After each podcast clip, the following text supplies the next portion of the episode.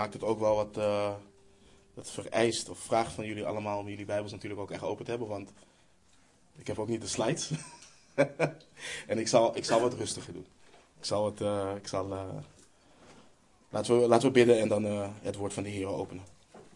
Vader in de hemel, we danken u, Heer, voor ja, het feit dat we uw woord zo kunnen openen. Heer, we bidden ook, Heer, dat we zo ja, u toch kunnen bezingen, Heer. En dat de techniek ons wat dat betreft niet, uh, niet in de steek laat. Um, ja, wilt u onze gedachten richten op u?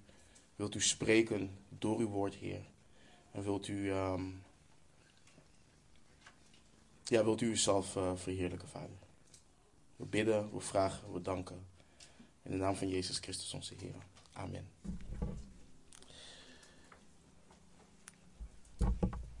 Um, we bevinden ons inmiddels, uh, uh, we hebben best wel wat stilgestaan bij het huwelijk inmiddels. We hebben de afgelopen vier weken vanuit een helikopterview hebben we gekeken naar, uh, naar het huwelijk.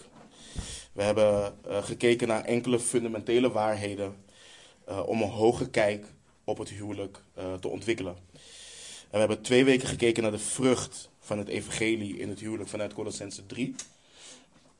Um, en nu bevond ik me een klein beetje in een uh, ja, dilemma, omdat we in onze serie twee weken lang hebben stilgestaan naar uh, en hebben gekeken naar bijbelse vrouwelijkheid. Ik zat te denken, is het dan nog nodig om specifiek in te gaan op de vrouw in het huwelijk? Uh, want waar hebben we bijvoorbeeld naar gekeken? We hebben gezien wat kenmerkt bijbelse vrouwelijkheid, um, volwassen bijbelse vrouwelijkheid. Even weer een opsomming. we hadden gezien, eens ze vreest de Heere God. Uh, we hadden gekeken naar het feit dat ze een vrouw is van Gods woord. Uh, we hadden gezien dat ze uh, bereidwillig en vreugdevol hart tot onderwerping, ofwel onderdanigheid heeft. ze heeft een zachtmoedige en stille geest. Ze is verstandig en wijs. Ze is kuis. Ze is rein van hart. Ze is betrouwbaar. Ze is vriendelijk. En ze is liefdevol.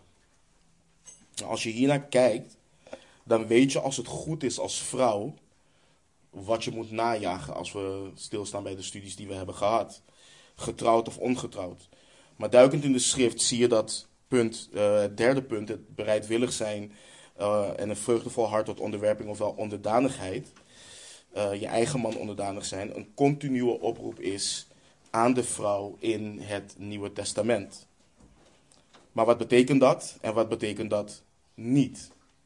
Daar is niet uh, alleen in de wereld, juist ook in kerkelijke kringen, heel veel verwarring over. Ik, ik geloof persoonlijk dat het nergens voor nodig is. De Heere God is geen God van wanorde. Hij is geen God van verwarring. Hij is heel duidelijk. Hij heeft zijn woord en zijn wil helder overgeleverd. En de, de vraag is: willen wij ons als discipelen volledig onderschikken aan Hem en onze eigen ideeën um, verlogenen. Ik ben me bewust van het feit dat in deze serie, oh kijk, in deze serie um, is, zal dit wel misschien voor de wereld, niet dat de wereld kijkt, denk ik niet, maar uh, ook voor menig um, mensen in de kerk, is dit de minst populaire boodschap in, in deze serie. De onderdanigheid van de vrouw. Dat is zowel in de wereld als in de kerk is het de minst populaire boodschap. Desalniettemin gaan we daar gewoon bij stilstaan. Ik wil met jullie naar de teksten gaan kijken die spreken van de vrouw in de context van haar huwelijk. En uh, samen kijken naar waar de Heere God vrouwen toe oproept. Ik wil jullie als eerste vragen om naar Efeze 5 te gaan. We gaan een paar teksten lezen. Die heb ik niet op het scherm trouwens. Efeze 5. Dus ik wacht nog even rustig dat iedereen hem heeft. Dan wil ik met jullie vers 22 tot en met 33 uh, lezen. Vers 5 vanaf vers 22. Paulus schrijft onder leiding van de Heilige Geest: Vrouwen, wees uw eigen mannen onderdanig, zoals aan de Heer. Want de man is hoofd van de vrouw zoals ook Christus hoofd van de gemeente is. En hij is de behouder van het lichaam. Daarom, zoals de gemeente aan Christus onderdanig is, zo behoren ook de vrouwen in alles hun eigen mannen onderdanig te zijn. Mannen, heb uw eigen vrouw lief, zoals ook Christus de gemeente lief gehad heeft en zich voor haar heeft overgegeven, opdat hij haar zou heiligen door haar te reinigen met het waterbad door het woord, opdat hij haar in heerlijkheid voor zich zou plaatsen, een gemeente zonder smet of rimpel of iets dergelijks, maar dat zij heilig en smetteloos zou zijn, maar dat zij heilig en smetteloos zou zijn. Zo moeten de mannen hun eigen vrouwen liefhebben als hun eigen lichamen. Wie zijn eigen vrouw lief heeft, heeft zichzelf lief. Want niemand heeft ooit zijn eigen vlees gehaat. Maar hij voedt en koestert het, zoals ook de Heere de gemeente. Want wij zijn leden van zijn lichaam, van zijn vlees en van zijn gebeente. Daarom zal een man zijn vader en moeder verlaten en zich en zij aan zijn vrouw hechten, en die twee zullen tot één vlees zijn. Dit geheimenis is groot, maar ik spreek met het oog op Christus en de gemeente. Kortom, ook u moet, ieder in het bijzonder, uw eigen vrouw net zo lief hebben als uzelf. En de vrouw moet ontzag hebben voor haar man. Als je alsjeblieft nu in je Bijbel naar Colossense 3 gaat.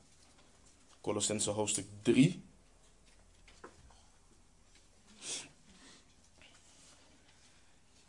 Daar lezen we vers 18. Colossense 3, vers 18. Paulus schrijft daar: Vrouwen, wees uw eigen mannen onderdanig, zoals het behoort in de Here. Vrouwen, wees uw eigen mannen onderdanig, zoals het behoort in de Here. Nou, als je nu in je Bijbel verder gaat naar Titus 2, Titus 2. We lezen daar vanaf vers 3, voor de hele context, Titus 2 vanaf vers 3. Paulus schrijft daar ook, evenzo moeten de oudere vrouwen in hun gedrag zijn zoals het heiligen past.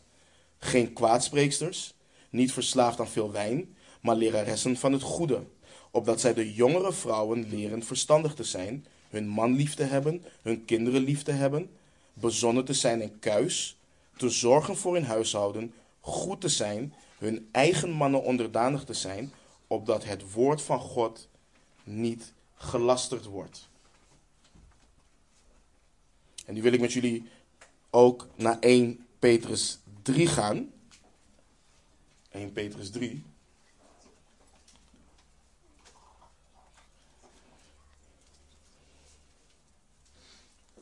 Het is wel een fijn geluid om die Bijbel zo te horen bladeren. 1 Petrus 3, vanaf vers 1 lezen we. Evenzo vrouwen, wees uw eigen mannen onderdanig, opdat ook, als sommigen aan het woord ongehoorzaam zijn, zij door de levenswandel van de vrouwen zonder woorden gewonnen mogen worden. Doordat zij uw reine levenswandel in de vrezen des Heren waarnemen. Uw sieraad moet niet bestaan in iets uiterlijks, het vlechten van het haar, het dragen van gouden sieraden of het aantrekken van mooie kleren. Maar uw sieraad moet zijn de verborgen mens van het hart, met het onvergankelijke sieraad van een zachtmoedige en stille geest, die kostbaar is voor God. Want zo tooiden zich voorheen ook de heilige vrouwen die op God hoopten en hun eigen mannen onderdanig waren.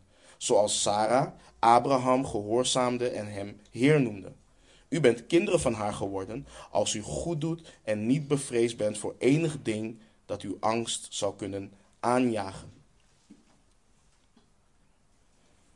En voor de goede orde, als we teruggaan even naar 1 Korinthe, 1 Korinthe 14.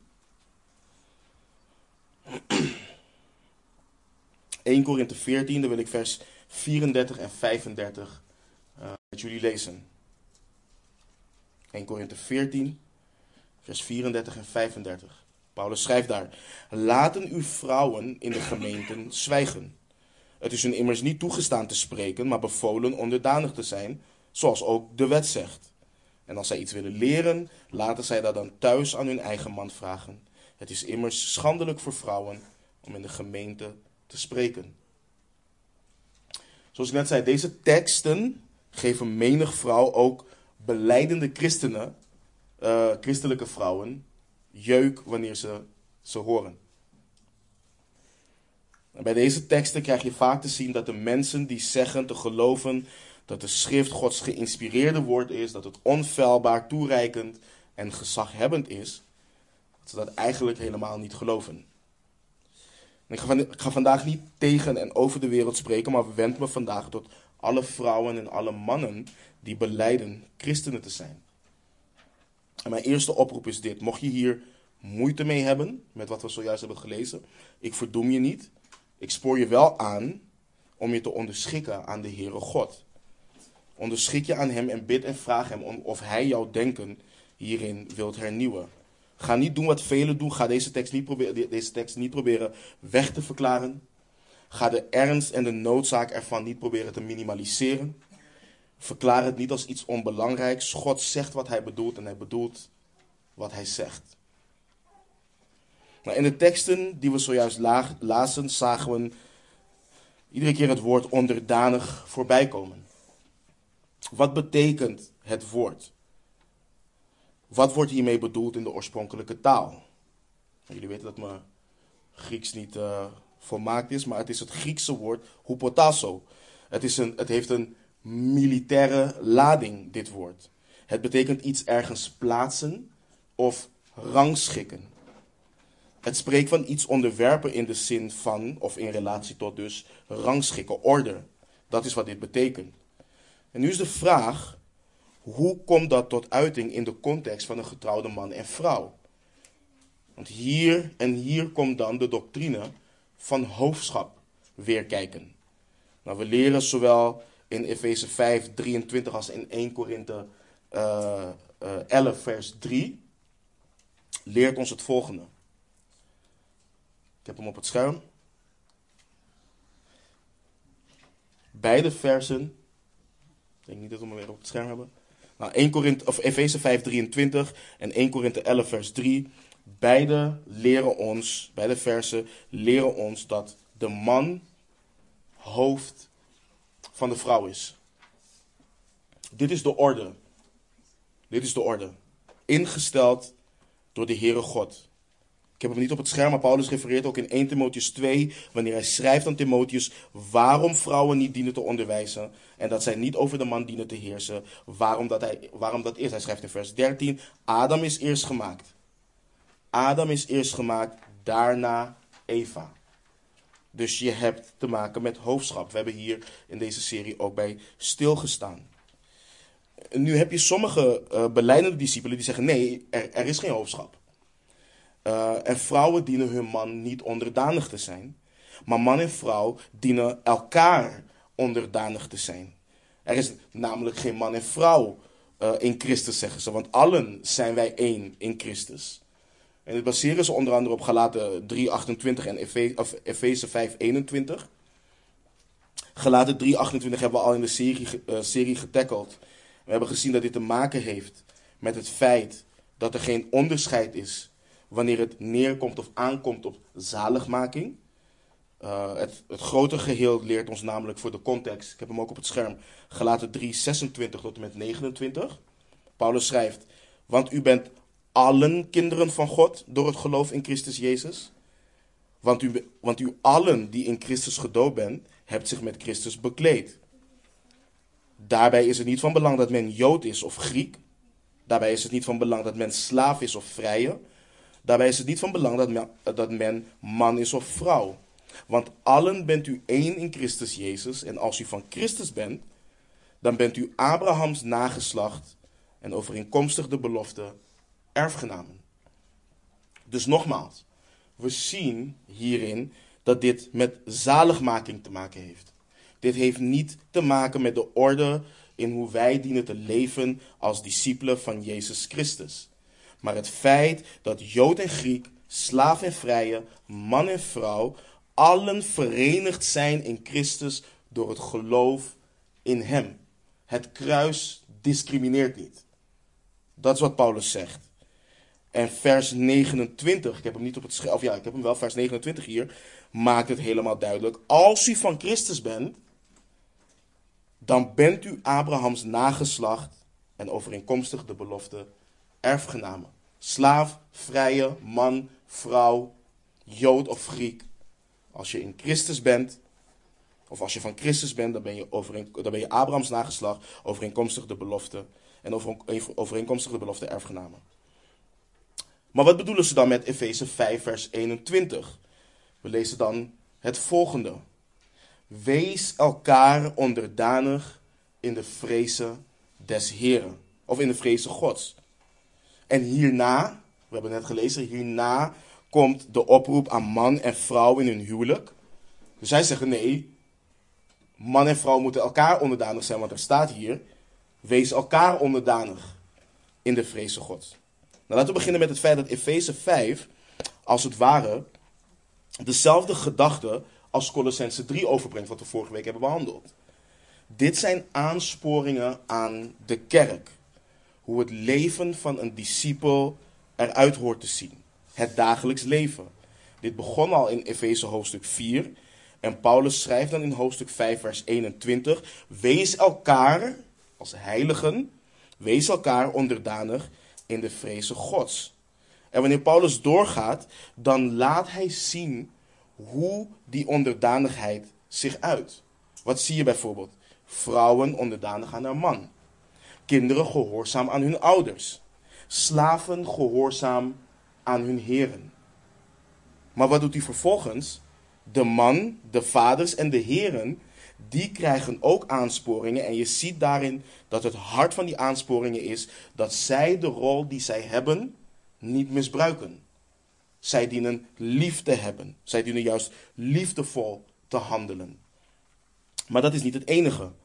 De reden waarom vrouw onderdanig dient te zijn aan man en ze in rol en verantwoordelijkheid niet gelijk zijn, zie je overduidelijk in de analogie, de verwijzing die Paulus gebruikt in Efeze 5. Want wat gebruikt Paulus? We hebben hem hier op het scherm. Hij gebruikt Christus en de gemeente. Let op vers 24, Efeze 5, vers 24.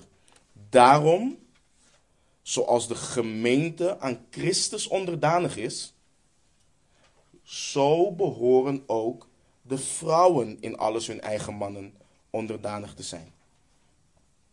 Nu is er volgens mij niemand, ik weet hier in ieder geval, die zal durven te zeggen dat Christus en de gemeente gelijk zijn aan elkaar. Dat er geen onderscheid is. Dat Christus geen hoofd van de kerk is dat Christus en de gemeente elkaar onderdanig dienen te zijn.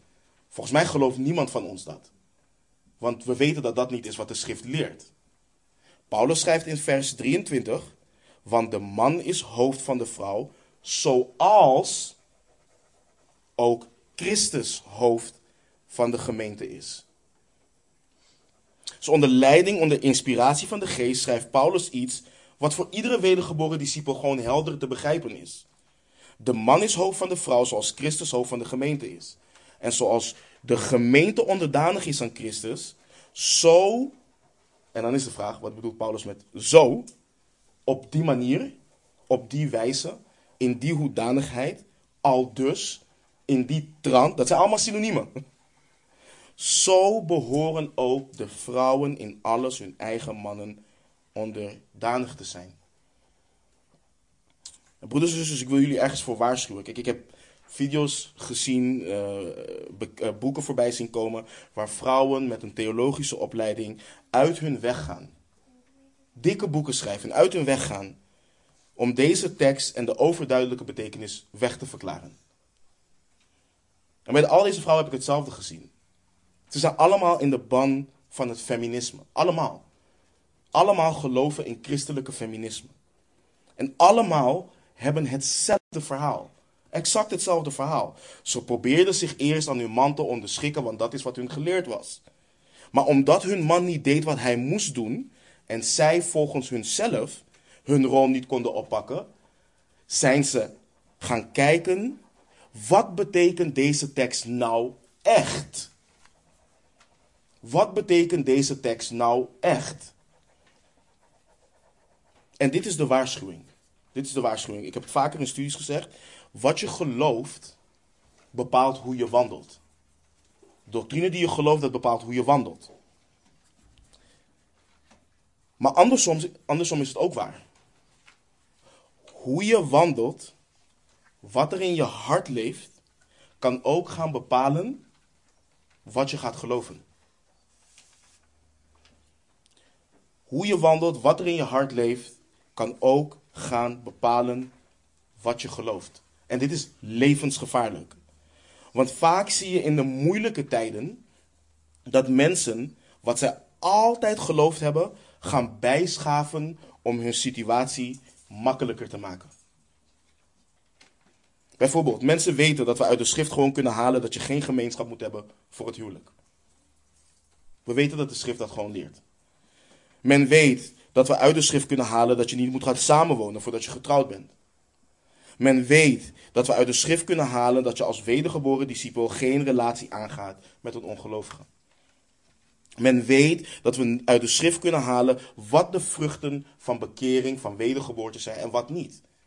We weten dat, het staat gewoon in de schrift. En wat zie je vaak gebeuren? Men die hier vaak vocaal over was, men die gewoon geloofde in wat de schrift onderwees, wordt bijvoorbeeld zelf verliefd op iemand die niet wedergeboren is. Men heeft altijd geloofd wat de kenmerken zijn van een wedergeboren discipel, maar zien die vruchten niet bij die persoon of zien die vruchten niet bij hun geliefde. En wat doen ze vervolgens? Dan krijg je dit soort argumenten. Maar ben ik wel degene die in staat is om te beoordelen of hij of zij wel niet wedergeboren is? Mag ik dat wel zeggen? Is iemand niet gewoon jong in zijn of haar geloof? Of dan gaan ze dingen zeggen, ja maar mijn kind ging vroeger gewoon naar de zondagschool. Mijn kind is gedoopt. Mijn kind zegt in Jezus te geloven. En omdat we graag, omdat we zo graag willen zien wat we willen zien, gaan we ons geloof aanpassen en de schrift aanpassen, zodat wij niet de vrede van boven, maar onze eigen vrede in ons hart kunnen ervaren. Het is levensgevaarlijk. Levensgevaarlijk. En met onderdanigheid in het huwelijk is het hetzelfde. Jullie hebben de tekst met jullie eigen ogen gelezen. En niet alleen dat. Paulus leert in 1 Korinthe 14, vers 34, we hebben het net gelezen, dat vrouwen bevolen worden onderdanig te zijn, zoals ook de wet zegt. Paulus heeft dit niet verzonnen. Paulus is geen vrouwenhater. Dit is de geopenbaarde wil van de Heere God. Een getrouwde vrouw behoort haar eigen man onderdanig te zijn. Dit is wat de schrift leert. En nu voordat we gaan kijken hoe dat tot, uh, tot uiting komt, wil ik met jullie kijken naar wat onderdanigheid niet betekent. Want dit is, wat, dit is vaak waar het fout gaat. Als we zien dat onderdanigheid te maken heeft met rangschikking, dan moeten we het volgende zien. En ik heb het vaker gezegd, maar het is belangrijk om dit te leren en te herhalen. Een vrouw is niet onderdanig aan iedere man. Efeze 5, Colossense 3, 1 Petrus 3. Deze teksten hebben heel duidelijk eigen man erin staan. Dit is echt cruciaal. Want je hebt letterlijk kerken waar dit bestaat. Waar iedere vrouw letterlijk ondergeschikt is aan iedere man in die gemeente. Dat is niet wat de schrift leert. De schrift leert dat niet. Wees uw eigen man onderdanig. Ander ding ook, bijvoorbeeld, ik kan je niet zeggen hoe vaak ik heb gezien dat een vrouw verliefd is op een man. Ze zijn niet getrouwd. Maar die man, die voert hoofdschap, op, vooral vaak ook op onbijbelse manier, over haar uit. En die vrouw zegt, ja, maar ik moet hem toch onderdanig zijn? Nee, helemaal niet. Want het is niet jouw man. Je bent niet getrouwd. Je bent niet getrouwd. Je moet je eigen man onderdanig zijn. Niet de man die je leuk vindt, maar de man waarmee je getrouwd bent. Als je niet getrouwd bent, dan ben je je ouders onderdanig. Dus dat is één ding wat onderdanigheid niet is. Onderdanig zijn is ook niet. Onderdanig zijn aan je eigen man betekent ook niet dat je geen gelijkwaardige gesprekken met elkaar kunt hebben. Het betekent niet dat je geen beslissingen kunt nemen. Het betekent ook niet dat je je man niet kunt aanspreken of tegenspreken wanneer je man iets onverstandigs doet. Onderdanig aan je man zijn betekent niet dat je een slaaf bent. Het betekent niet dat als je man zegt: laten we deze tafel of wat dan ook kopen, wat ver boven ons budget gaat en ons de schulden inbrengt, dat je dan zegt: oké, mijn heer. Dat is niet wat onderdanigheid is. Dat is niet wat onderdanigheid is.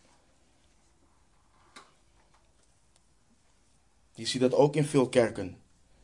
Wanneer het moeilijk gaat, dat ouderlingen dan tegen men. Nee, je moet gewoon luisteren naar je man. Terwijl die man volledig onbijbels handelt. Onderdanig zijn betekent ook niet dat je de wil van je man boven de wil van Christus plaatst. Dat is ook niet onderdanig zijn. Lieve zuster, je bent je man onderdanig omdat Christus jouw Heer is. Daarom. Dat is waarom je je man onderdanig bent. Je bent gekocht door Jezus Christus. Je bent gekocht met zijn kostbaar bloed. Je behoort Hem toe. En omdat je van Hem houdt, omdat je Hem toebehoort, gehoorzaam je Hem door je man onderdanig te zijn. Maar Christus blijft je hoofd. Hij blijft het uiteindelijke hoofd. Wat betekent praktisch? Wat betekent dit praktisch? Je kunt niet akkoord gaan met verzoeken van jouw man die tegen de geopenbaarde wil van de Heere God ingaan. Ik, ik, ik herhaal dit nog een keer voor alle vrouwen om dit goed te begrijpen. Je kunt niet akkoord gaan met verzoeken van jouw man die tegen de geopenbaarde wil van de Heere God ingaan. Dit is ook waarom we hebben stilgestaan um, uh, bij het punt uh, bij volwassen bijbelse vrouwelijkheid. Je moet een vrouw van Gods woord zijn. Je moet een vrouw van Gods woord zijn. Er zijn veel vrouwen in kerkelijke kringen die hun man blindelings onder het mom van onderdanigheid volgen en niet weten dat ze in het volgen van hun man ongehoorzaam zijn aan de Heer. Je kunt en je hoort je man nooit te volgen in zonde. Het is niet mijn eigen idee. Kijk naar Ananias en Safira. Kijk naar Ananias en Safira. Dit is een perfect voorbeeld. Ananias die houdt met medeweten van zijn vrouw, houdt u een deel van de opbrengst, houdt hij achter. Hij wordt bevraagd door Petrus. Hij liegt op dat moment. Op dat moment oordeelt de Heere God. Dan wordt Safira apart gevraagd. En daarin zie je dat Safira verantwoordelijk is voor haar eigen deel in die leugen. Dat is een perfect voorbeeld van wat een zondige manier van onderdanigheid is. Een ander belangrijk ding, dit zie ik ook heel, heel, heel vaak. Onderdanigheid betekent niet dat je volledig afhankelijk bent van je man voor geestelijke groei. Dat is ook niet wat onderdanigheid betekent. Het is een fenomeen wat veel voorkomt. Hij moet me wassen met het waterbad van het woord. Hij moet mij voorgaan in het woord en gebed. Lieve zusters, ja, hij dient al die dingen dient hij te doen. Maar jij zelf ook. Jij zelf ook. Als jouw man eh, die zegt te geloven ongehoorzaam is, bijvoorbeeld, en niet meer naar de samenkomsten gaat, dan kun jij niet zeggen onder het mom van onderdanigheid dat jij ook niet meer gaat. Als hij geen bijbelse onderbouwing heeft, dan, kun je, dan dien jij hem niet te volgen in het verzaken van de samenkomsten. Dus dat is ook geen onderdanigheid. Nu ga ik een, alsof het niet al controversieel genoeg is met onderdanigheid, nu ga ik een controversieel onderwerp aansnijden. Want deze vraag wordt veel gesteld als het neerkomt op het gebied van uh, onderdanigheid. En daar wil men dan ook hè, de uitzondering voor hoofdschap. Hoe zit het met onderdanigheid, onderschikking, bij mishandeling of misbruik? Wat dan? Wat als een vrouw zich in een huwelijk bevindt waarin ze fysiek, emotioneel, geestelijk misbruikt wordt? Wat dan? En ik heb bewust ook emotioneel erbij gezet, omdat je ook situaties hebt waarin mannen hun vrouwen fysiek nooit aanraken. Maar dat die vrouw er emotioneel, dat zij er zwaarder aan toe is dan iemand die fysiek wordt mishandeld. Dus daarom gebruik ik fysiek en emotioneel. En nu is dit cruciaal, want hier gaat het vaak fout op het gebied van onderdanigheid. En zoals we tijdens een hoge kijk op het huwelijk hebben gezien, is een huwelijk een levenslang verbond. Er is slechts één geval waarin het hertrouwen niet als hoererij of overspel wordt gezien. En dat is wanneer er overspel heeft plaatsgevonden. Het huwelijk is een levenslang verbond waarin een man en een vrouw één vlees worden. Die man en vrouw zijn aan elkaar gebonden totdat de dood hun scheidt. Let op wat Paulus schrijft als je in je Bijbel, ik wil dat je het met je eigen ogen, ik heb hem ook op het scherm, maar in je Bijbel Romeinen 7, Romeinen 7, dan lezen we versen 2 en versen 3. Wat schrijft Paulus? Hij schrijft, want de, vrouw, want de gehuwde vrouw is door de wet gebonden aan de man zolang hij leeft. Als de man echter gestorven is, is hij ontslagen van de wet die haar aan de man bond. Daarom dan, als zij de vrouw van een andere man wordt terwijl haar man leeft, zal zij een overspelige genoemd worden. Als haar man echter gestorven is, is zij vrij van de wet, zodat zij geen overspelige is als zij de vrouw van een andere man wordt.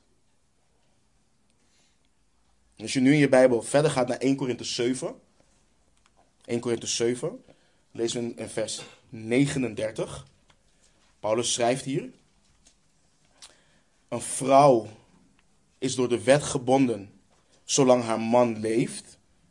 Als haar man echter ontslapen is, is zij vrij om te trouwen met wie zij wil, maar alleen in de Heer. Vaak gebruiken mensen met wie zij wil om te zeggen, ongelovigen ook, nee, maar staat maar alleen in de Heer. Alleen in de Heer.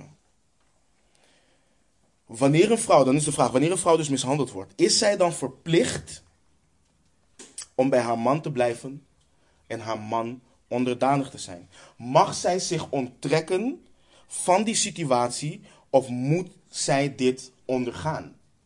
In het, in, in, in het kader van onderdanigheid. Ik geloof niet dat de schrift dit leert. Ik geloof niet dat de schrift dit leert. En laat me heel helder zeggen wat ik net heb gezegd. Ik sta achter de leer van de schrift dat God niet wil dat we scheiden en dat we nooit als discipelen horen te sturen op scheiden. Dus dat is ook niet mijn positie hierin. Wat ik hierin wel echt geloof, is dat het een vrouw toegestaan is om zich te onttrekken uit die situatie. Waarom? Als we naar het volgende gaan, 1 Korinthe 7, dan lezen we vers 10 en vers 11. Lezen we het volgende. Paulus schrijft hier. Maar de gehuwden beveel ik. Niet ik, maar de Heer. Dat een vrouw niet zal scheiden van haar man. En let op wat Paulus schrijft.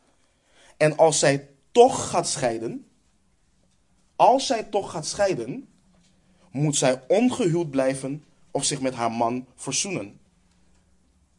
En dat een man zijn vrouw niet zal verlaten. Dus nog een keer. De gehuwden beveel ik, niet ik, maar de heren, dat een vrouw niet zal scheiden van haar man. Een vrouw moet niet scheiden van haar man. Maar Paulus zegt, als zij toch gaat scheiden, als ze het toch doet, moet zij ongehuwd blijven of zich met haar man verzoenen. En dat een man zijn vrouw niet zal verlaten. Hetzelfde geldt ook andersom. Wat zegt Paulus dus? Een vrouw zal niet scheiden van haar man. De Heer zegt dat. Maar hij schrijft nog een keer, als hij toch gaat scheiden, als zij weggaat, als zij zich onttrekt, dan moet zij ongehuwd blijven of ze moet zich met haar man verzoenen. Dus hierin zie je, er komen situaties voor. Die situaties zijn er. Waarin een vrouw of een man, maar hier in, in dit kader, we hebben het over de vrouw, waarin een vrouw toch weggaat bij haar man. Een vrouw gaat toch weg bij haar man, we zien het. En Paulus omschrijft hier een, een, een, situatie. Hij omschrijft hier niet een situatie die met overspel te maken heeft. Dat omschrijft hij hier niet. Want hij zegt, ze moet ongehuwd blijven of zich met haar man verzoenen. Dus dit is wat ik zie. Als een vrouw zich in een gemeente bevindt en haar man bijvoorbeeld ook onderdeel is van die gemeente en een situatie zodanig uit de hand loopt en onveilig wordt, dat de gemeente dient in te grijpen en die vrouw dient te onttrekken uit die situatie. Vervolgens dient die man onder tucht geplaatst te worden. Dit is als een gelovige man is die ook onderdeel is van die gemeente. Die man dient onder tucht geplaatst te worden. Maar dienen de ouderlingen van die gemeente vervolgens bezig te zijn met hem, opdat hij tot bekering komt. Dat is wat ik geloof dat een gemeente hoort te doen. Toont hij vruchten van bekering En is de vrouw welwillend om terug te gaan, dan kan zij zich verzoenen met haar man. Toont hij geen vruchten van bekering, of toont hij ze wel, maar de vrouw blijft onwelwillend, die situaties heb je ook, dan dient die vrouw ongehuwd te blijven. Ze kan dan niet hertrouwen. Dat is wat de schrift leert. En dan zijn er sommigen die zeggen: Zo zielig, mag ze dan nooit meer hertrouwen? Wordt haar kans op geluk ontnomen? Broeders en zusters, we hebben gelezen. Een vrouw is door de wet gebonden zolang haar man leeft. Het staat er. Het staat er. Als zij toch gaat trouwen, moet zij ongehuwd blijven. Of als zij toch gaat scheiden, moet zij ongehuwd blijven. De schrift is duidelijk. Ik hoop dat voor ons, ik hoop dat we meer en meer inzien hoe gewichtig een eenvleesband is. Hoe gewichtig dat is. Een huwelijk is niet simpelweg een papiertje of samenwonen. Dit is een geestelijk verbond. En we moeten kijken naar wat zegt de Heere God en niet met onbijbelse argumenten vanuit gevoel komen. De schrift kan niet gebroken worden. Maar het punt is dus dit. Onderdanigheid is niet, laat je man je mishandelen. Dat is onderdanigheid dus niet. Oké, maar wat is het dan wel? Het is het erkennen en in vreugde en gehoorzaamheid onderschikken aan de rol en verantwoordelijkheid die de Heere God heeft toebedeeld aan jouw man. Hij is de leider van het gezin. Hij is de beschermer van het, van het gezin. Hij is degene die voorziet in het gezin. Althans, hij hoort die dingen te doen, laat me het zo zeggen. Hij hoort die dingen te doen. Maar je onderschikt je daaraan, je onderschikt je in het feit dat hij door God als hoofd is aangesteld over jullie huis. Dat wanneer jullie het over, over iets wat niet zondig is, niet eens zijn, je je kunt onderschikken en accepteren dat jouw man als hoofd de beslissing neemt, maar ook die verantwoordelijkheid van die beslissing draagt.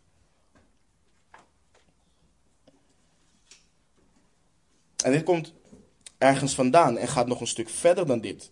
Kijk, onderdanig zijn aan je man houdt in dat je respect voor hem hebt. Dat je respect voor hem hebt. Dat je hem respecteert en eert. Let op, op het scherm ook, Efeze 5, vers 23, 33. Let op wat Paulus schrijft. Kortom, ook u moet, ieder in het bijzonder, uw eigen vrouw net zo lief hebben als uzelf. En de vrouw moet ontzag hebben voor haar man. Wat betekent dit op zijn minst? Op zijn minst betekent dit dat een vrouw haar man niet aanvalt of vernedert. Dat, hij haar, dat zij haar, hem niet ondermijnt. In plaats daarvan staat ze aan zijn kant. Ze bouwt hem op. Ze bemoedigt hem. Ze geeft hem de ruimte en geeft hem wat zij hem kan geven om hem toe te rusten de man te zijn die hij in de Here dient te zijn. Ik getuig hier vaak van, gewoon in gesprekken, nooit vaak vanaf hier, want het gaat niet over mij. Maar ik prijs de Here. De ruimte die ik heb om ouderling te zijn, om er voor jullie te zijn, komt onder andere door mijn vrouw. Het komt onder andere door mijn vrouw. De Spreuken 31 vrouw is zo'n prachtig voorbeeld hierin. Zo'n deugdelijke vrouw die haar man en haar kinderen toerust. En daar prijzen zij haar voor. Zij prijzen haar daarvoor. Wat betekent dit nog meer? Als hij een fout maakt, de mist ingaat, dan verzekert ze hem van haar liefde en loyaliteit. Ze steunt hem. Weet je hoe vaak in christelijke huwelijken ik heb gehoord dat vrouwen hun mannen vernederen wanneer hij een fout maakt? Wanneer hij de mist ingaat. Wat voor man ben je? Wees nou eens een man. Daarmee breek je je huwelijk af met dat soort uitspraken. En vrouwen, mag ik jullie hierop wijzen, zodra je je man op die manier bejegen, zodra je dat doet, dan bevind je je op een pad wat moeilijk is te keren. Doe je dit lang genoeg, dan gaat je man zich niet meer richten op hoe hij de Heer kan behagen in zijn rol als hoofd van het huis. Maar hij gaat zich bezighouden met hoe hij jou niet kan teleurstellen of niet zal teleurstellen en hoe hij jou kan behagen. Hij gaat niet de man zijn die de Heer wil dat hij is. Hij gaat de man zijn die jij wilt dat hij is.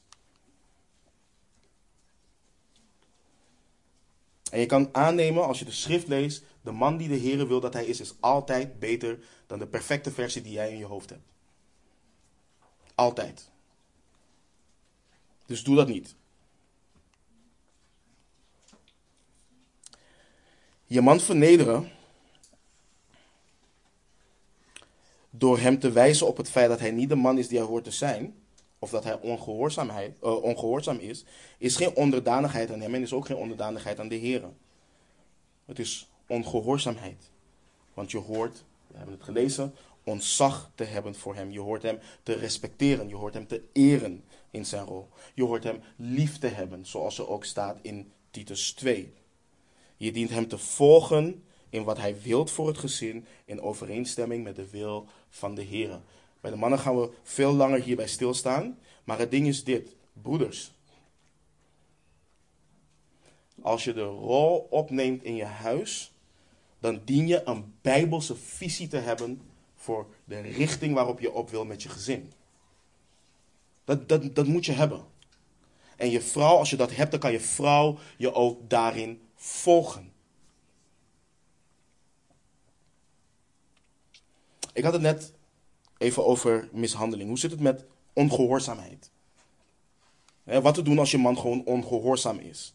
Hij wandelt niet overeenkomstig de wil van de Heer. Hij leeft in zonde. Hij wil zich niet bekeren. Wat doe je dan?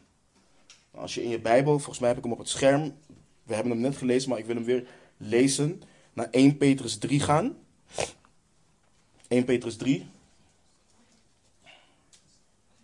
Deze ook voor mijn zusters met ongelovige mannen. 1 Petrus 3. Evenzo, vrouwen. Wees uw eigen mannen onderdanig, opdat ook als sommigen aan het woord ongehoorzaam zijn, zij door de levenswandel van de vrouw zonder woorden gewonnen mogen worden. Doordat zij uw reine levenswandel in de vrezen des Heren waarnemen. Uw sieraad moet niet bestaan in iets uiterlijks, het vlechten van het haar, het dragen van gouden sieraden of het aantrekken van mooie kleren. Maar uw sieraad moet zijn de verborgen mens van het hart, met het onvergankelijke sieraad van een zachtmoedige en stille geest, die kostbaar is voor God. Want zo, zo tooiden zich voorheen ook de heilige vrouwen die op God hoopten en hun eigen mannen onderdanig waren. Zoals Sarah Abraham gehoorzaamde en hem Heer noemde. U bent kinderen van haar geworden als u goed doet en niet bevreesd bent voor enig ding dat uw angst zou kunnen aanjagen. We gaan in de serie hier nog wat uitgebreider bij stilstaan, dus ik ga hem niet helemaal uiteenzetten. Maar we hebben mishandeling uitgesloten. We hebben het hier over een man, hij is ongehoorzaam. Waartoe wordt de vrouw dan aangespoord? Moet je de strijd met hem aangaan? Nee. Ook wanneer je man ongehoorzaam is aan het woord, ook wanneer je man niet uh, wandelt overeenkomstig de wil van de Heer, dien je hem onderdanig te zijn, schrijft Petrus. Ik herhaal voor de goede orde, je volgt hem niet in zonde, maar je respecteert hem. Je hebt hem lief. Je eert hem. En ik wil met jullie gaan, want soms denken we, ja, maar hij moet het wel waard zijn om geëerd te worden. Petrus begint dit argument te maken.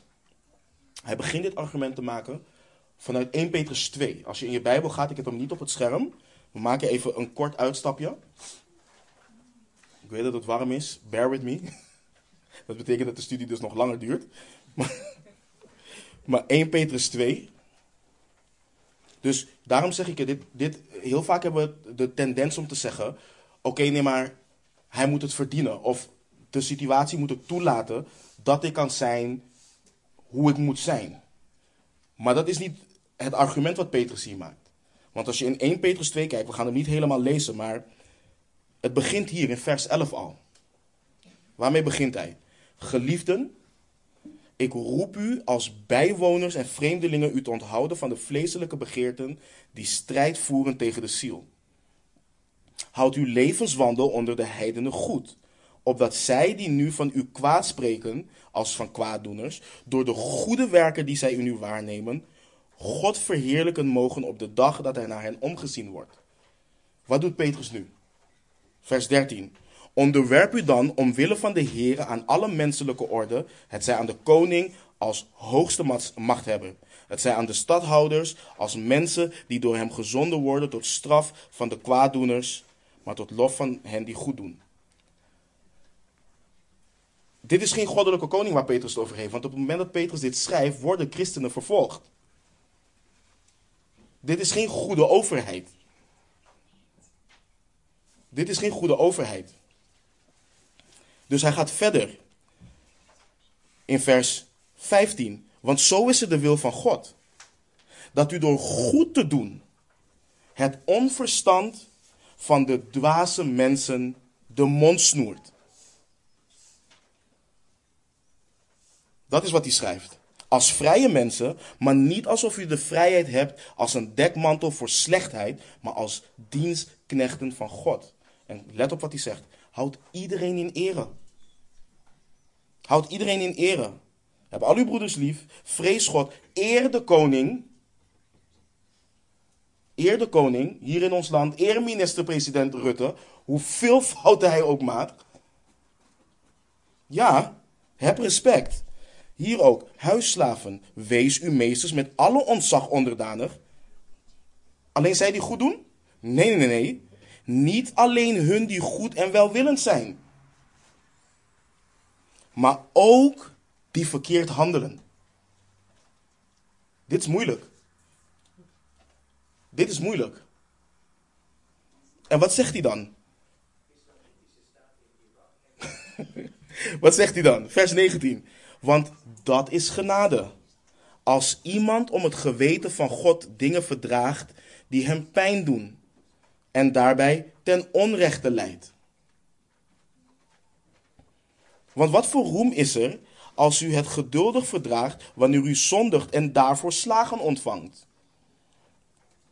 Maar als, het u, als u het geduldig verdraagt wanneer u goed doet en daarvoor leidt, is dat genade bij God.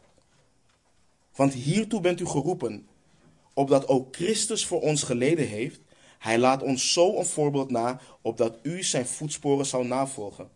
Hij die geen zonde gedaan heeft en in wiens mond geen bedrog gevonden is, die toen hij uitgescholden werd niet terugschold en toen hij leed niet dreigde, maar het overgaf aan hem die rechtvaardig oordeelt. Die zelf onze zonde in zijn lichaam gedragen heeft op het hout, opdat wij voor de zonde, dood, voor de gerechtigheid zouden leven. Door zijn striemen bent u genezen, want u was als dwalende schapen, maar u bent nu bekeerd tot de Heere, tot de herder en opziener van uw zielen. Ik heb hem toch helemaal gelezen. En dan kunnen we allemaal zeggen van ja, maar het is niet eerlijk. Heeft de Heer Jezus Christus een eerlijk, eerlijke rechtspraak gehad? Maar Petrus schrijft, dat is genade. Dat is genade. Want hiertoe bent u geroepen, omdat ook Christus voor ons geleden heeft. Hij laat ons zo een voorbeeld na. Laat me nu voor de goede orde even wat zeggen. We kennen allemaal de periode die achter ons ligt. De tweejarige periode. Dit is niet, neem die prik. Daar hebben we het niet over. Dat is niet wat, waar dit over gaat.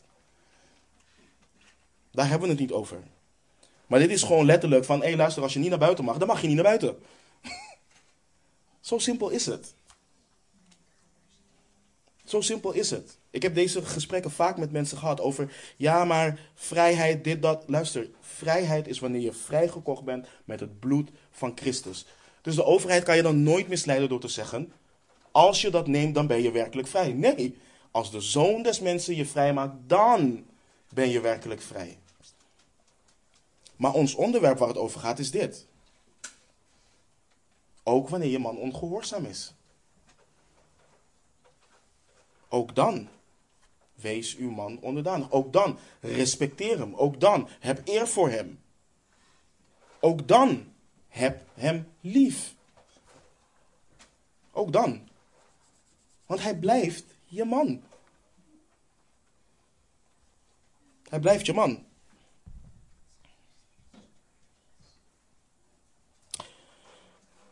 Nu, lieve zusters en broeders, dit is de wil van de Heere God voor jou in je huwelijk. Dit is waartoe Hij jou aanspoort. Hij roept je op om je man lief te hebben, om hem te respecteren, om je te onderschikken aan zijn leiderschap, aan zijn hoofdschap. Maar de vraag is dan dit, ook voor de jonge meisjes onder ons. Is dat jouw hoogste roeping? Waar dient dit allemaal toe? Ben je geroepen puur om een vrouw van een man te worden, om kinderen te baren? Is dat waar je toe geroepen bent? Nee. Jouw hoogste roeping is gelijkvormig worden aan Jezus Christus. Dat is de roeping van iedere vrouw. Gelijkvormigheid aan Christus. Je hoogste roeping is niet een vrouw zijn, niet een moeder zijn. Je hoogste roeping is gelijkvormig worden aan jouw zaligmaker. En God gebruikt dit. Waartoe hij jou aanspoort om jouw hart te vormen. En dus jou meer te vormen om meer en meer te gaan lijken op Christus. Dat is waartoe dit dient. Maar er is nog een ander punt wat belangrijk is. En dat is dat als we hier tegen rebelleren, er veel op het spel staat. Dat beseffen we ons vaak niet. We denken dat het zich alleen beperkt tot ons huis, tot ons partner. Maar Paulus schrijft in Titus 2 het volgende. Titus 2, vers 3 tot en met 5. Oh, ik heb hem niet op het scherm. Oké. Titus 2, vers 3 tot en met 5. Evenzo moeten de oudere vrouwen in hun gedrag zijn zoals het heiligen past. Geen kwaadspreeksters, niet verslaafd aan veel wijn, maar leraressen van het goede. Opdat ze de jongere vrouwen leren verstandig te zijn, hun man lief te hebben, hun, kinderen lief te hebben, bezonnen te zijn en kuis, te zorgen voor hun huishouden, goed te zijn, hun eigen mannen onderdanig te zijn, opdat het woord van God niet gelasterd wordt.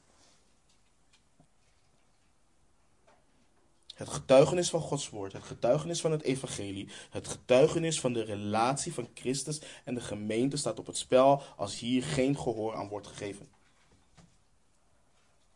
Besef dat. Ik verzin dat niet, we lezen het gewoon in Titus 2 vers 5, opdat het woord van God niet gelasterd wordt. Het Griekse woord voor gelasterd, we kennen het Engelse woord blasphemy blasphemeo, dat is waar het woord vandaan komt. Dat is waar dit woord uh, vandaan komt. Als je kijkt naar hoe dit woord wordt gebruikt in de schrift, zegt Paulus letterlijk dat als vrouwen dit niet doen, dan wordt er op beledigende wijze over Gods woord gesproken. Grof, onfatsoenlijk, schandalig. Waarom? Nou, wij beweren, wij beweren als christenen dat God mensen heiligt door zijn woord. Dat beweren wij. En wij zeggen dat niet zomaar, de Heer Jezus bad het ook. Het woord van God hernieuwt ons denken. Als opstandigheid en rebellie, als twistziek zijn en conflict in een huwelijk komt door de val, als de vrouw wil heersen over de man door de val, dan zouden zij die opgewekt zijn met Christus, het woord van God, waar hij zijn wil ook kenbaar maakt voor man en vrouw in het huwelijk, moeten bestuderen en navolgen. Maar als wij zeggen daarin te geloven, maar leven als de wereld, dan zeggen mensen dat het woord geen kracht heeft. Nou, het erge is niet dat de mensen het zeggen. Jij brengt het getuigenis naar buiten en creëert de perceptie dat het woord van God geen kracht heeft. Dat doe jij. Dus jij lastert met jouw gedrag het woord van God. Hoe vaak hebben we dit wel niet gehoord? Maar die beleidt toch een christen te zijn? Waarom komt die uitspraak? Omdat die persoon iets doet wat niet in lijn is met het gedrag van een christen. Het volgende is belangrijk om te beseffen voor iedere zuster, voor iedere vrouw. En dit is cruciaal. Geen vrouw moet denken dat zij, haar, dat zij niet onderdanig is aan haar man, haar man niet lief heeft, geen ontzag, dus geen respect, eerbied heeft voor haar man en alsnog denkt te wandelen in de wil van de Heer. Niet. Geen vrouw moet denken dat wanneer ze ongehoorzaam is aan het gebod en wel goed is voor haar kinderen. Weet niet hoeveel preken ze luistert per dag, hoeveel ze de Bijbel leest per dag. Dat zij zich bevindt in de wil van de Heer. Je misleidt jezelf dan. Je lastert met jouw wandel het woord van God. Kijk, soms vergeten we of kunnen we vergeten dat ongehoorzaamheid, opstandigheid door de profeet Samuel de zonde van waarzeggerij wordt genoemd.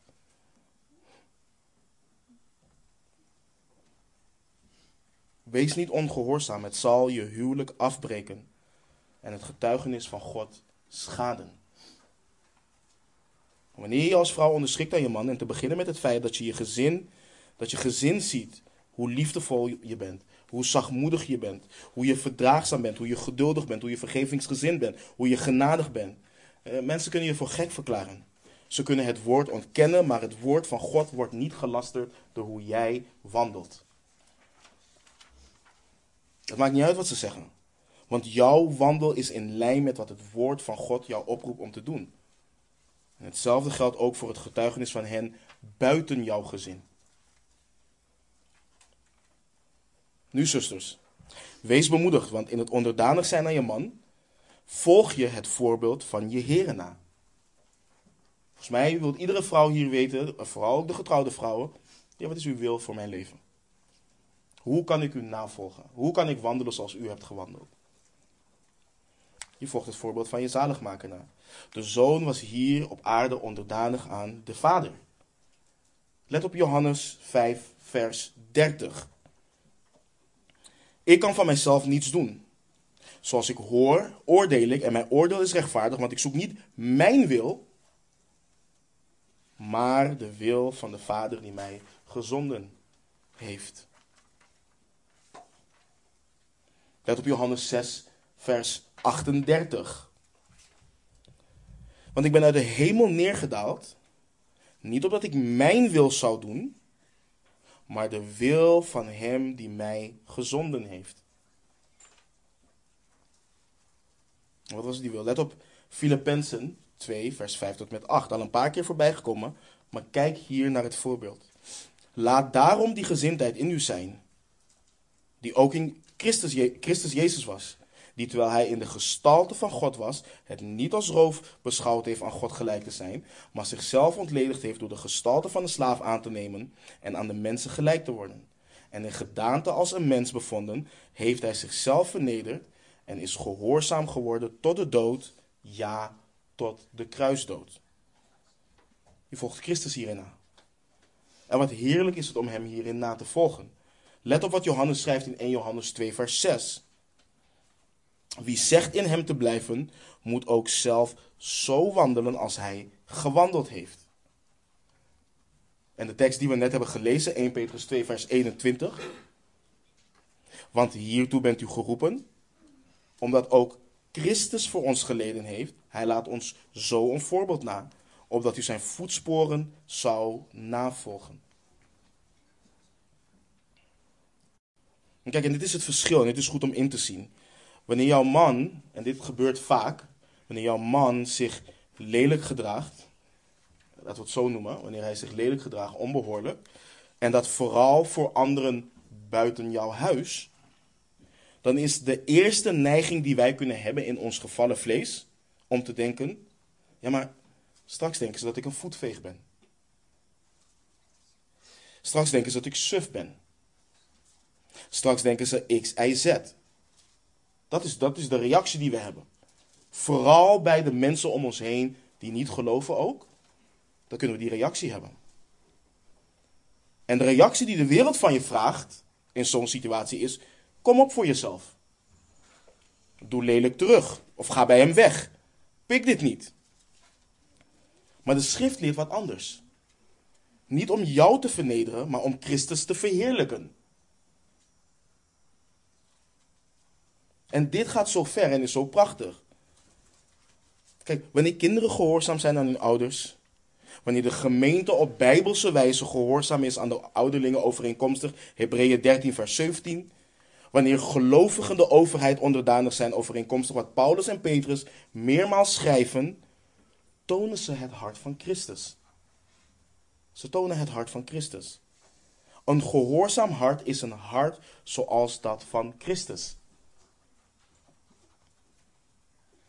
Dus wat God jou oproept om te doen in jouw huwelijk is goed. Hij roept jou op, net zoals hij mannen oproept om te zijn als zijn zoon, om in het voorbeeld van Christus en de gemeente met het hart van Christus gehoorzaam te zijn. En de Heer Jezus is het ultieme voorbeeld van gehoorzaamheid. Hij heeft de ultieme vorm van onderdanigheid getoond door de gestalte van een slaaf aan te nemen. Hij is het ultieme voorbeeld daarvan. Wie is het ultieme voorbeeld van rebellie? De Satan. Hij is de ultieme vorm van opstandigheid. Hij is in opstand gekomen tegen de heerschappij van de Heere God. Hij heeft Eva overtuigd om in opstand te komen tegen de Heere God. Hij bevordert rebellie en ongehoorzaamheid aan het woord. Tegen Eva zei hij: Je hoeft niet afhankelijk te zijn van God. Je kunt zijn als God. Je zult zijn als God. Je hoeft je niet te onderschikken, wees gelijk aan hem. En nu overtuigt hij vrouwen overal: je hoeft je man niet onderdanig te zijn. Heers over hem.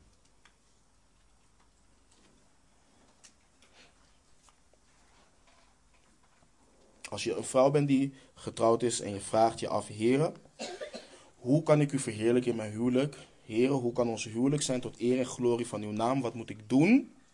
Het antwoord is je gegeven in de schrift. Wees je man onderdanig. Heb ontzag voor je man. Heb hem lief. Dien hem overeenkomstig de wil van God. Nou, ik zei net al, ik weet dat in de ogen van de wereld dit een controversieel onderwerp is. Het is zelfs in de kerk. Ik heb, ik heb daar weinig mee te maken. Ik wil Gods woord onderwijzen en verklaren zoals, zoals het er staat. Ik heb wel een belangrijk woord aan ons en voor ons als broeders en zusters. We zien hopelijk steeds meer dat het aangaan van een huwelijk niet niets is. Het kiezen van een partner. Kijk, wanneer je een man hebt die voldoet aan alles waar we het over hebben gehad, bij het karakter en de kenmerken van volwassen bijbelse mannelijkheid, zal je huwelijk nog steeds niet volmaakt zijn. Nog steeds niet. Wat we zeiden, beiden in het huwelijk voeren nog steeds de strijd tegen het vlees. Maar dit is wel een belangrijke waarschuwing. Stap niet zomaar een huwelijk in. Val niet zomaar voor de eerste, de beste man die zegt: Ja, ik, ik hou van Jezus, ik hou van de Bijbel en al dat. Nee. Beproef hem. Beproef hem. En laat hem beproefd worden. Ga niet ondoordacht een huwelijk aan.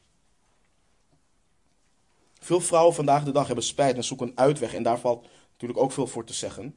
Maar ze zoeken een uitweg en denken: had ik maar geluisterd naar die ene broeder of zuster. En nogmaals, er valt veel te zeggen voor die gedachte. Maar het laat wel zien wat de ernst is van het gehoorzamen aan de Heere God. Als je geen hoge kijk op hebt op het huwelijk, dan ga je relaties aan en ga je relaties aan en denk je dat wanneer het niet werkt, wanneer die man het uiteindelijk niet is en niet geeft wat je nodig hebt om onderdanig te zijn en God te gehoorzamen in je huwelijk, dat je zo naar nummer 2 kan gaan, nummer 3 kan gaan, nummer 4 kan gaan of wat dan ook. Zo werkt het niet, lieve mensen. Zo werkt het niet. Broeders, voor jullie geldt hetzelfde. Wil je weten hoe een vrouw zal zijn in het huwelijk? Kijk naar hoe ze is met haar ouders. Kijk naar hoe ze is met haar ouders. Kijk naar hoe ze is met haar broeders en zusters. Ontdek wat voor keuzes ze maakt in moeilijke tijden. Hoe gaat ze om met terechtwijzing? Heeft ze overal een antwoord op? Kan ze alles verklaren en neemt ze vermaning niet aan? Dan zal ze geen onderdanige vrouw zijn in het huwelijk en zal ze jouw leiderschap ook niet volgen. Het volgende is belangrijk, want dat, dat is echt belangrijk. Ik wil mensen niet aan een standaard zetten waarvan ze denken: ik ga nooit een man of een vrouw vinden. Je zoekt niet de perfecte persoon, want die bestaat niet. Christus is perfect, hij is volmaakt. Maar voor de mannen, je zoekt een vrouw met een vrees voor God. Dat is wel wat je zoekt. En een vrouw die hier nooit in is onderwezen en het nu nog niet laat zien, is niet verdoemd. Laten we dat voorop stellen. Die vrouw is niet verdoemd. Maar voordat je haar die ring geeft, praat hier met haar over. Ga wel het gesprek aan. Kijk hoe ze dat opneemt. Spoor haar aan tot het zoeken van onderwijs en discipelschap van haar zusters, die volwassen zijn in de Heer. Mogen jullie als getrouwde en godvrezende vrouwen je verantwoordelijkheid nemen om gedreven door goddelijke liefde, op gepaste wijze, je te onderschikken aan het leiderschap van je man. Dien hem als zijn helper. Geef hem de ruimte om zijn door God gegeven rol in waardigheid te vervullen tot eer en glorie van de levende God. En mannen, mogen jullie de zelfopofferende liefde tonen en waardig leiderschap als onze Heere Jezus tonen, opdat het voor zover het van jou afhangt als man, je vrouw zich met blijdschap kan onderschikken aan jou en jij haar toerust om de vrouw te zijn die zij dient te zijn. Volgende week kom ik voor jullie. Laten we bidden. Vader, nogmaals, we weten dat dit, Heer, een uh, onderwerp is wat uh, niet populair is, Heer. Het, kan jeuken, het kan wrijven, Heer. Het kan allerlei gedachten brengen, Heer. Vader, help ons om niet in strijd te zijn met U, maar om Uw welbehagelijke en volmaakte wil te kunnen aanvaarden. Vader, we kunnen niet vanuit de psalmen lezen en zien en citeren, Heer, u bent goed en u doet goed en ons niet onderschikken aan, aan dit, Heer. Help mijn zusters, rust hen toe, Heer, om de vrouwen te zijn die u wil dat ze zijn, Heer. Vader, ik bid voor mijn zusters ook, die niet een man hebben die hen kan toerusten hierin. Wellicht dus een man ongelovig, wellicht dus een man momenteel ongehoorzaam hierin. Ik bid voor hen, Heer, dat u hen kracht geeft, dat u hen toerust, dat u voor hen uitgaat, Heer. En dat u hen vreugde geeft om alsnog te kunnen doen waartoe u hen oproept. Vader, u bent, uh, u bent goed, Heer. Ik bid voor mijn broeders die getrouwd zijn. Dat zij hun vrouwen leiden in alle waardigheid. Dat zij hun levens geven voor hun vrouwen, Heer. Zoals ook Christus Jezus onze Heer heeft gedaan. Ik bid dat u alle huwelijken mag opbouwen, dat u ze allemaal mag sterken. Ik bid voor onze broeders en zusters die nog niet getrouwd zijn, dat u hen ook toerust. En dat u hen, Heer, samenbrengt, samenvoegt. De persoon, Heer, die, uh, die u voor ogen hebt. Want het is het prachtig, Heer, om getrouwd te zijn en te mogen leven in dit wat u heeft gegeven. We houden van u. We danken u. In de naam van Christus Jezus onze Heer. Amen.